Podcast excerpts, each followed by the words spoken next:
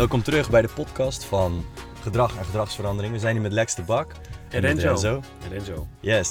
We gaan het vandaag hebben over wat is de grootste belemmering in gedragsverandering? Ja, goede vraag. Ehm, dit is eh, er een eh, waarbij ik eh, niet zozeer zelf. dit is er eentje waarbij ik zelf wat meer heb nagedacht over van wat, is, wat zie ik nou eigenlijk om me heen gebeuren. En wat zou nou een hele belangrijke factor kunnen zijn. Dus dit is een beetje mijn eigen opvatting over waardoor mensen belemmerd worden. Dat is even al een disclaimer vooraf. Ja. Eh, we gaan voor het eerst eh, wat meer in op het woord angst. En misschien is het goed om aan te geven wat ze inmiddels zien vanuit eh, neurowetenschappelijk onderzoek. Eh, angst in je hersenen heeft een hele andere plek dan nadenken, ratio en gevoel bijvoorbeeld heeft. Angst heeft een hele fundamentele eerste prioriteit, zou je kunnen zeggen. Eh, waar ze achter zijn is dat de manier waarop wij naar de wereld kijken, dat die manier niet een soort van ja, onafhankelijk, open, nieuwsgierig wordt, eh, eh, wordt verwerkt. Maar we zijn altijd eerst bezig om te kijken of een omstandigheid gevaarlijk is of niet. Dat komt door ons reptiele brein, onze amygdala, zeg maar. En die amygdala is het systeem dat maakt dat je fight, flight or freeze, zeg maar. Dus dat, zijn die, dat is dat systeem dat als je op de snelweg auto rijdt, die wordt afgesneden, dat je de juiste handeling maakt om uit te wijken. Hoop je. Hoop je. Hoop je. Hoop je. Je, de- je denkt niet na. Eh, het is een reflexmatig punt en wat in feite je overleving garandeert. En dat, dat ding van overleving hebben we, als je erin gelooft, al, al honderden, honderdduizenden jaren bij ons. En dat ding heeft ertoe geleid dat we het blijkbaar overleefd hebben als soort. Dus angst heeft een functie, het beschermt ons. Ja. Maar nu komt die, Wat misschien wel onze eerste, zou zeggen, biologische behoefte is om überhaupt te overleven. Exact. Goed, Ja. goed punt. Ehm, wat alleen wel belangrijk is, is dat niet iedereen op de, in dezelfde mate angst ervaart. Eh, er gaat bij de ene persoon meer zuurstof naar eh, de amygdala, het reptiele brein, dan bij de andere persoon. En dat is vanaf de geboorte in feite bepaald. Dus je wordt geboren en de mate waarin jij aanleg hebt om angstig te zijn, is in feite voor je bepaald en is, eh, varieert ook tussen kinderen in hetzelfde gezin bijvoorbeeld. Dit is ook waarom kinderen verschillend bijvoorbeeld opgroeien. Je zou daar voor een deel aan kunnen zien dat kinderen ook verschillend opgroeien, andere keuzes maken, andere karakters ontwikkelen. We gaan het zo hebben over karakterontwikkeling bij angst en karakterontwikkeling zonder angst. Component zou je kunnen zeggen. Maar wat dus aan de hand is, is dat als je nadenkt over eh, gedrag en gedragsverandering, dat dus angst een hele belangrijke belemmerende factor is. En angst is eerst. Hè, dus de filter van angst is eerst aan de beurt voordat we nadenken en dit gesprek hebben. Dus dit gesprek tussen jou en mij is al gefilterd. Eh, we hebben al bepaald dat we hier op een prettige manier zitten, dat, er geen, eh, dat we niet bang hoeven te zijn. Dat hebben jij en ik al onbewust bepaald. En dit gebeurt voor een heel groot deel met de rechter hersenhelft. Het is diezelfde hersenhelft die eh, altijd aanstaat en ervoor zorgt dat als je geluid hoort in huis, dat je opeens wakker wordt. Het is die hersenhelft dat als je allerlei geroezemoes in een restaurant hoort, dat je dat niet opvalt totdat iemand het woord Renzo roept of zegt zachtjes helemaal aan de andere kant van die kamer. Je bent namelijk geoefend in het opsporen van dingen die afwijken, zou je kunnen zeggen Of onbekend zijn. onbekend en een potentieel gevaar. En er zijn dus mensen die dus eh, veel meer gevaar zien in dingen, veel meer angst hebben in, eh, voor dingen dan andere mensen. En dat komt puur omdat dus die verhouding eh, tussen het ene verdedigingsmechanisme van angst en het andere dus verschilt bij mensen. Dus de mate van prioriteit verschilt. En hier kunnen mensen een leven lang last van hebben.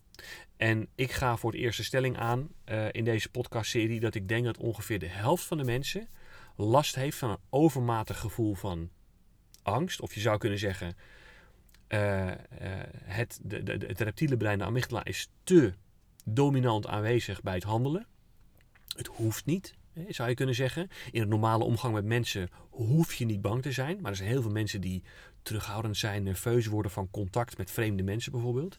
Je hoeft niet terughoudend te zijn in werk, maar die mensen zijn er. Je hoeft niet terughoudend te zijn naar je naasten, maar die mensen zijn er. Je hoeft niet, als je op straat loopt, je af te vragen eh, waar- waarom die persoon je aankijkt. Maar er zijn, die mensen zijn er. En eh, eh, een belangrijke vraag is dus, omdat dit niet in feite goed aan te passen valt. Je kunt niet, je kunt niet bedenken dat je minder bang wil zijn.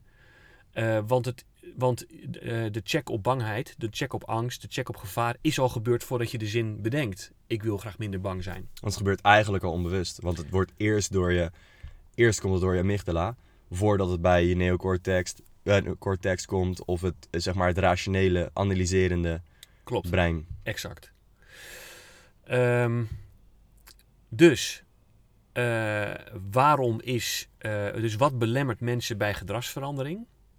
Eh, daar kun je heel veel over zeggen. Dat heeft natuurlijk te maken met, we hebben het in eerdere podcasts gehad over wat voor associatie heb je met verandering. Hè? Dus wat heb je geleerd tussen geboorte en vandaag over hoe je kijkt naar veranderingen. Is verandering een gaaf iets of is verandering iets vervelends? Hè? Eh, eh, dat is even de vraag. Wat is je referentiekader bij verandering? Dat is een belangrijke. Eh, een andere belangrijke is, heb je eh, gave ervaringen op, opgedaan al met leuke nieuwe dingen die je hebt gedaan en die je hebt uitgeprobeerd? Word je in bepaalde dingen steeds beter? Dan ben je misschien wel meer geneigd om te veranderen in je gedrag. Maar er is een hele grote groep met mensen die last heeft van het feit dat ze iemand geworden zijn die eh, eh, heeft moeten dealen met die angst. En ik denk dat de grootste belemmering bij dus gedragsverandering die angst is. Want we gaan nu even, als je mij gelooft, hè, in de zin van eh, podcast nummer 1 ging over wat is een mens. Weet je nog, de aanleg, het pad van geboorte tot vandaag en de omgevingsfactoren van dit moment. Stel nou dat je geboren wordt als baby en je hebt dus eh, te veel aanleg voor angst. Er gaat te veel zuurstof naar dat centrum, wat dus gaat over vriend, vijand, eh, eh, het, goed of fout, het is hier veilig of onveilig. Dat systeem staat vanaf je geboorte te veel aan. En je leert als kind, je leert taal aan, je leert je identiteit ontwikkelen, maar uiteindelijk ben je eigenlijk altijd terughoudend, zou je kunnen zeggen. Want de dingen komen best wel op je af. In de zin van je moet omgaan met die angstigheid, zullen we zeggen. Wat je ziet gebeuren is dat hier bij een grote groep mensen het ego ontstaat.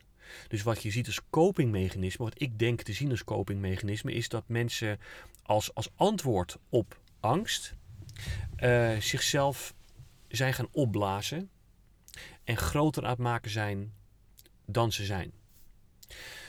Ehm, en dat ego, dat, dat ontwikkeling van dat hè, ik, ik doe ertoe, hier ben ik. Hè, eh, we hebben het gehad over aandacht, positie, status, macht, aanzien, geld. Dat zijn uiterlijke rituelen. Andere mensen moeten mij eigenlijk zien. Andere mensen moeten naar mij kijken. eh, eh, want dan ben ik zeker dat ik ertoe doe. Ja, even voor de luisteraar, dit hebben we besproken in podcast 2.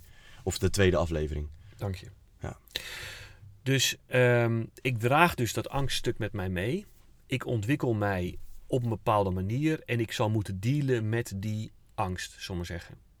En wat ik denk te zien eh, eh, is dat een grote groep mensen in feite eh, zegt: ik wil het liefst eh, vasthouden aan wat ik nu denk te zijn, in plaats van doorbewegen naar nieuwe dingen.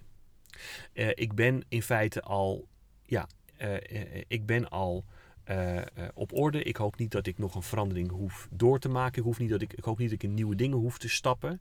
Ik ben wie ik ben. Dat is ook wat mensen dan zeggen, zo ben ik nu eenmaal. Dat is ook zo'n zin waarin ze in feite zeggen, eh, het liefst wil ik gewoon dat dingen blijven zoals ze nu zijn. Ehm, dat is natuurlijk een belemmering voor gedragsverandering, zou je kunnen zeggen. Want het is een heel lastig gesprek als je met iemand te maken hebt die in feite zegt van ik, eh, ik ben al overtuigd van mijn zelfbeeld. Hè. Ik ben overtuigd van eh, ja, dat, ik, dat ik stoer ben of gaaf of leuk of cool of wat dan ook. En, eh, Of andersom. Dat ik het juist niet ben. Ja, maar de vraag is of, of er dan is, is er dan sprake van ego of is er misschien wel zelfs te weinig ontwikkeling van de persoonlijkheid, zou je kunnen zeggen. hè. Als mensen Ja. heel veel zelfverzekerdheid missen. Maar goed, wat je, wat je ook ziet, is dat sommige mensen geen zelfverzekerdheid of zelfvertrouwen hebben en zich heel erg opblazen. Om Ja. vooral te doen alsof ze het wel hebben. Want daarmee, daar komt hij weer, krijg je de ogen op je gericht. Ja. Dus, dat, dat, dus even, even terug naar mijn punt. Dat, dat opblazen, dat, dat, die, die, die, eh, dat neerzetten van jezelf. Het presenteren van jezelf op een bepaalde manier. En dat in een soort statisch beeld doen. Zo van ja, ik ben nu simpelweg eh, ik, ik ben waar ik wil wezen, zeg maar, dat beeld neerzetten, dat is iets ehm, wat gedragsverandering natuurlijk bemoeilijkt, omdat namelijk uiteindelijk eh, iemand eh, op een soort vaste golflengte zit met zichzelf. Eh, en waarom? Nou, ik moet er niet aan denken dat ik dus in feite nieuwe dingen moet doen, want ik vind die dingen eng. Ik ken hele bange mensen die zeggen: Ik ben nooit bang. Maar omdat ze namelijk hun angst hebben bedolven onder eh, een bepaalde looks of bepaalde status of bepaalde, hè, dus zichzelf op een bepaalde manier presenteren. Ja, en, en misschien zou het ook zo kunnen zijn dat je je omgeving zo op jouw, misschien zou je kunnen zeggen, comfortzone of ego hebt afgesteld, dat je inderdaad niet bang hoeft te zijn. Want misschien ben ik nooit bang als ik elke dag hier over straat loop, el- eh, laat in de avond. Maar als ik in Kaapstad in de sloppenwijken zou gaan lopen, misschien word ik dan toch wel bang. Snap wat ik bedoel? Ja. Dus misschien word, ik- word ik niet bang omdat ik zo lang hetzelfde heb gedaan, zo eigenlijk vastzit in wat ik altijd doe en ken en weet, waardoor ik misschien denk dat ik niet bang ben, omdat ik de ervaring van angst niet zo één op één mee heb gemaakt of alles wat, wat eh, beangstigend is uit de weg ga. Ja, dus wat je in dit leven nu kan doen met alle comfort en welvaart die we hebben, is dat je je omstandigheden zo inricht dat je in feite kunt doen wat je deed, zodat je krijgt wat je kreeg. Ja. En dat je dus in feite, hè, op, op een, eh, dat je in feite geen echt spannende dingen meer, doen, meer doet. Niet hoeft te doen in, Niet in ieder geval, doen. ja. Ja, want er zijn namelijk hè, er zijn, er zijn mensen die wel natuurlijk nieuwe dingen doen, maar die ten diepste wel bang zijn om, om hele nieuwe dingen te doen. Begrijp je wat ik bedoel? Ja. Dus kijk, ieder mens doet natuurlijk nieuwe dingen. Alleen de vraag is wel van, als je nou naar jezelf kijkt en je anders wil verhouden tot je omstandigheden, dan moet je wel in nieuwe omstandigheden stappen, in andere omstandigheden stappen. Dan moet je jezelf laten verstoren. Dan moet je dus jezelf kunnen laten teleurstellen. Je moet bereid zijn om jezelf teleur te stellen, zeg maar, of, of, of in, in, in, ja, in bange, in, in angstige dingen te stappen. En wat je ziet is dat er eh, mensen zijn die 10, 20, 30, 40 jaar lang, 50, 60 jaar lang. eh, eh, ik heb mensen tot hun dood mogen begeleiden vanuit een andere rol die ik in het verleden had. En je ziet dat mensen uiteindelijk nooit in het reinen komen met het feit dat ze ten diepste eigenlijk bang zijn voor alles en nog wat. Maar dat bedolven hebben onder een soort beeld ehm, van ja, kijk mij eens. Eh, ik ben geslaagd want ik heb geld. Ik ben geslaagd want ik heb een bepaalde positie. Ik ben geslaagd want ik heb eh, eh, de snelste rondetijd, de grootste medaille, de grootste bokaal, dat soort dingen. En, en dat, dat is denk ik, ehm, eh, dat is jammer. Hè. Althans, ik denk zelf dat dat minder kwaliteit is dan je misschien zou kunnen hebben. Maar dat mechanisme van ik zet mezelf neer, dat ego zou je kunnen zeggen, dat is dus wat mij betreft dus gerelateerd een hele duidelijke, eh, eh, een hele duidelijke eh, moet je zeggen, signaleringsfactor, zeg maar. Zo van, dat ego leidt meestal terug, als je goed oplet, dat iemand eigenlijk gewoon ten diepste bang is. Bang is om niet gezien te worden of om niet geslaagd te zijn. Ja. Zou je een paar voorbeelden kunnen geven over, over angst? Want we hebben nu angst best wel vaak laten vallen. Wat is, wat is angst? Is, want dit- ik weet niet meer welke aflevering we dit we het hier heel kort over hebben gehad. Maar soms wordt angst dus gezien als in een donker kamertje, in een hoekje. Ik ben bang voor alles wat er om me heen ge- beweegt. Of angst voor spinnen. Dat is echt natuurlijk super praktisch. Ja. En nou, heel herkenbaar. Maar wat zijn nou subtielere vormen van angst? Nou, ik vind het fijn om eh, bijvoorbeeld eh, digitaal te werken vanuit mijn thuisadres. Eh, want ten diepste vind ik het spannend om andere mensen te, te, te, te, te ontmoeten op de werkplek. Eh, want dan loop ik een kans eh, dat ik op zich niet word gezien voor wie ik vind dat ik ben. Of ik word verstoord in mijn bestaande opvatting. Ik krijg kritiek te verduren, et cetera. Dat is een voorbeeld van mensen die. Dus dat digitaal werken geeft mensen de mogelijkheid om zich terug te trekken eh, voor zover ze dat willen. Het is eh, de persoon die eh, misschien eh, uit huis zou moeten op basis van leeftijd, maar zegt ja, maar als de, als de zon, maan en sterren niet op één lijn staan, pas dan kan ik eigenlijk uit huis. Eh, niet in staat om aan te geven dat die persoon eigenlijk niet eroverheen kan kijken wat het is om uit huis te gaan en, en best wel bang is voor op zichzelf zijn en al die dingen doen die horen bij op jezelf zijn bijvoorbeeld. Ja, Het is eh, iemand die eh, een opleiding zou kunnen starten en bijvoorbeeld ehm, moeite heeft met het halen van een bepaalde opleiding of eh, dat ingewikkeld vindt en eh, continu zegt van ja, maar de, de, het opleidingsinstituut functioneert niet en eh, dat hebben ze ook weer niet geregeld en de leraar heeft het op mij voorzien, et cetera. Terwijl misschien wel de opleiding te zwaar blijkt te zijn. Alleen de confrontatie met het feit dat ik iets niet kan, is misschien wel te heftig. Ja. En dat is ook iets waar onze, onze geest of onze ego heel goed in is. Om allemaal excuses en allemaal dingen, externe redenen te vinden waarom ik die angst niet uh, hoef, te, hoef aan te gaan, zeg maar. Ja, en in bepaalde ma eh, iedereen heeft natuurlijk tot bepaalde ma in bepaalde mate een ego, zou je kunnen zeggen. Alleen wat je ziet is dat op het moment dat iemand echt een, een, een soort vast beeld heeft van zichzelf, van uh, uh, dit is wie ik ben en uh, kijk mij eens. Hè, dat, dat, dat hele extroverte jezelf neerzetten. Ja, als dat is waar je daadwerkelijk in gelooft. En de hersenen hebben helaas de neiging om echt te geloven wat je jezelf regelmatig vertelt. Als, als dat is waar je in gelooft, dan zie je dat in feite alles moet wijken om dat geloof in stand te houden. Dus natuurlijk, als het, ligt altijd aan een ander. Hè. Het ligt aan uh, die persoon die heeft het bij mijn sollicitatie voor een nieuwe baan, die had het op mij voorzien. Dat is waarom ik de baan niet kreeg. ik heb nu vier banen gewisseld in één jaar, maar dat kan niet aan mij liggen. Want het was bij baan A lag het daaraan, aan, bij baan B lag het daaraan, et cetera. Dus, dus inderdaad, wat je ziet is dat de echte confrontatie met ben ik nou, hè, wie ben ik zelf? Uh, heb ik nog bepaalde stappen te zetten? Uh, op wat voor manier kan ik mezelf beter aanpassen zodat ik bij mijn omgeving aansluit? Dat zijn voor een grote groep mensen hele beangstigende vragen, omdat je daarmee namelijk een soort van moet erkennen dat je misschien nog niet vandaag er al bent. Dus uh, uh, dat ding, als je aan mij vraagt wat is nou de grootste belemmering voor gedragsverandering. Ik, ik heb veel mensen mogen begeleiden de, de, afgelopen vele jaren. En je ziet grofweg twee in mijn beleving twee groepen. De ene groep die uh, wil vooruit, uh, wordt eigenlijk niet belemmerd door terughoudendheid. En dat noemen ze um, sociale inhibitie bijvoorbeeld. Hebben sociaal psychologen zegt dat bijvoorbeeld. Hè? Of, de, of de fixed mindset. Hè? Wordt ook zoals een term die dan wordt gebruikt in de sociaal psychologie. Maar je ziet dus een groep met mensen die in feite zegt van ik wil eigenlijk niet ten diepste eigenlijk niet verstoord worden in mijn bestaande opvattingen. En je merkt ook eigenlijk dat daar het veel harder worstelen is voor die persoon om stappen te maken. Want je moet eigenlijk loslaten wat je dacht dat je was. En er is een andere groep mensen die eigenlijk zegt van ja, weet je, ik, ik, ik ben gewoon iemand die in, in verbinding staat met zijn omgeving. En ja, uh, ik begrijp niet alles wat er om me heen gebeurt, maar um, ik, wil, uh, uh, ik, ik ben bereid om uh, mijn gedrag aan te passen. En daar vind ik niet persoonlijk dan direct iets van. Ik voel dat niet als schaamte of ik voel dat niet als, als verliezen of wat dan ook. En ik hoef niet per se te winnen. Um, dat is de andere groep.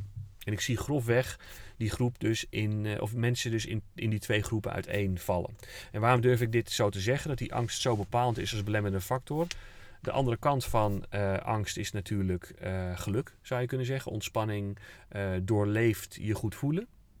Een onderzoek naar geluk laat zien dat uh, uh, de mogelijkheid om jezelf gelukkig te voelen is voor 50% aangeboren. Dus, dus we blijken uh, voor 50% het mee te moeten krijgen vanuit onze genen om dus gelukkig te, om, de, om, om gelukkig te kunnen worden op termijn.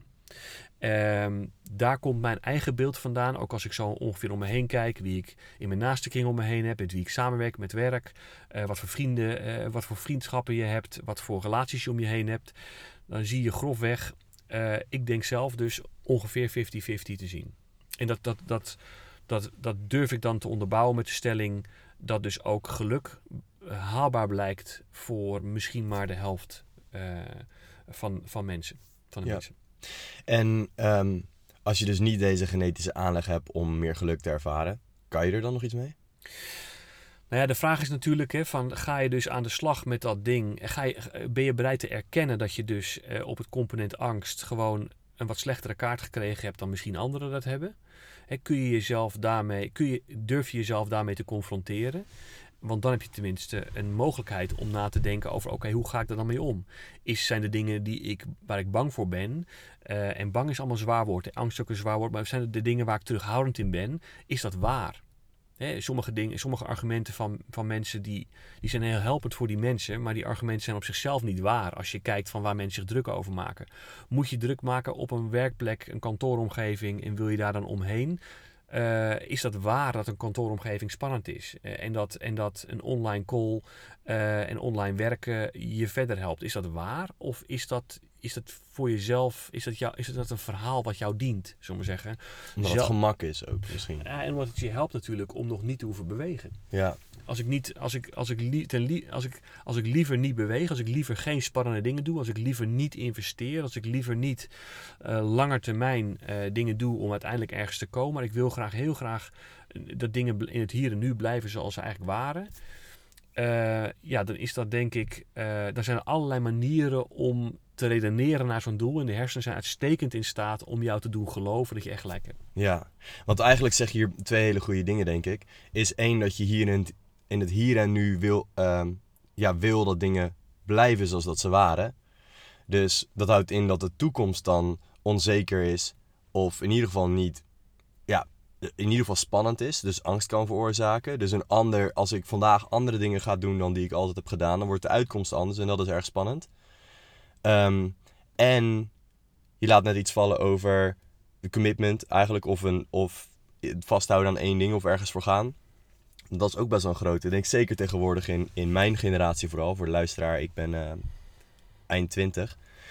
En de fear of commitment, of de angst voor om commitment aan te gaan, is best wel, best wel een groot ding. Want wat is je associatie met commitment dan? Wat, wat, wat is commitment dan?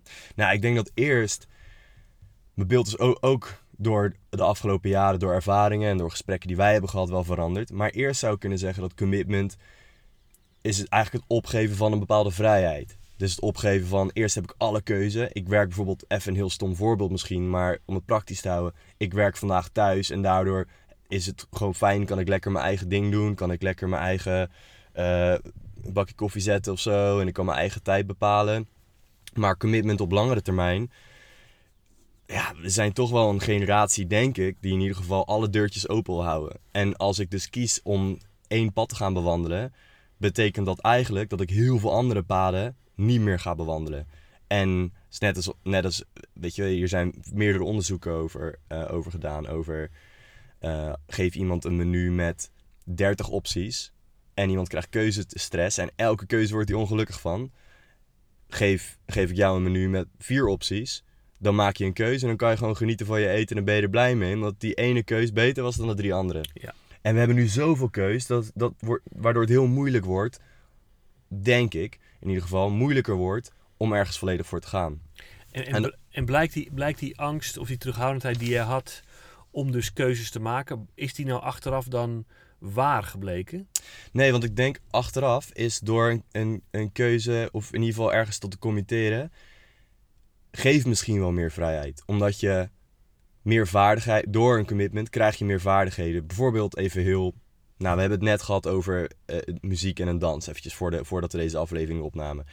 Als je bijvoorbeeld ehm, commit tot het leren van een dans, even een heel een praktisch voorbeeld weer, dan word je steeds beter. En dan kan je zelf steeds beter uiten of opgaan in de dans. Als je je volledig commit tot bijvoorbeeld werk of tot mijn collega's of tot de relatie, kan ik veel dieper komen. En kan ik mezelf kan ik veel waardevoller zijn voor mijn omgeving of voor mijn relatie. Waardoor dat ook veel meer terugkomt. Denk ik. Snap wat ik bedoel? Ik snap wat je bedoelt. Alleen in jouw referentiekader zit wel dat het gaan naar een dansschool bijvoorbeeld en het aanleren van een dans eh, voor jou eh, tot de mogelijkheden behoort. Er zijn ook mensen die dus zeggen van ja, maar eigenlijk vind ik, eh, vind ik dus, eh, ik, ik weet niet wat een dans mij op gaat leveren. Ja. Eh, ik weet dus niet of ik dat wel ga doen. Dus ik ga nog even nadenken over andere dingen.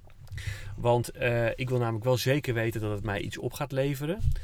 En ik vind het ook best wel spannend om andere mensen te treffen, bijvoorbeeld. En misschien ben ik wel helemaal niet goed in, in die dans. Want ik heb een potterbakcursus gedaan en die, die, die is ook niet goed gegaan. Ja. Ehm, dus ehm, de voorbeelden die jij geeft zitten al veel meer in een referentiekader waarin je open staat voor mogelijkheden. En waarin je ook eh, daadwerkelijk geneigd bent om aan te gaan. Dat is ook waarom je dus een aantal jaar geleden het een dacht en nu het ander dacht. Ja, omdat je het gedaan hebt. Ja, misschien is het wel heel moeilijk.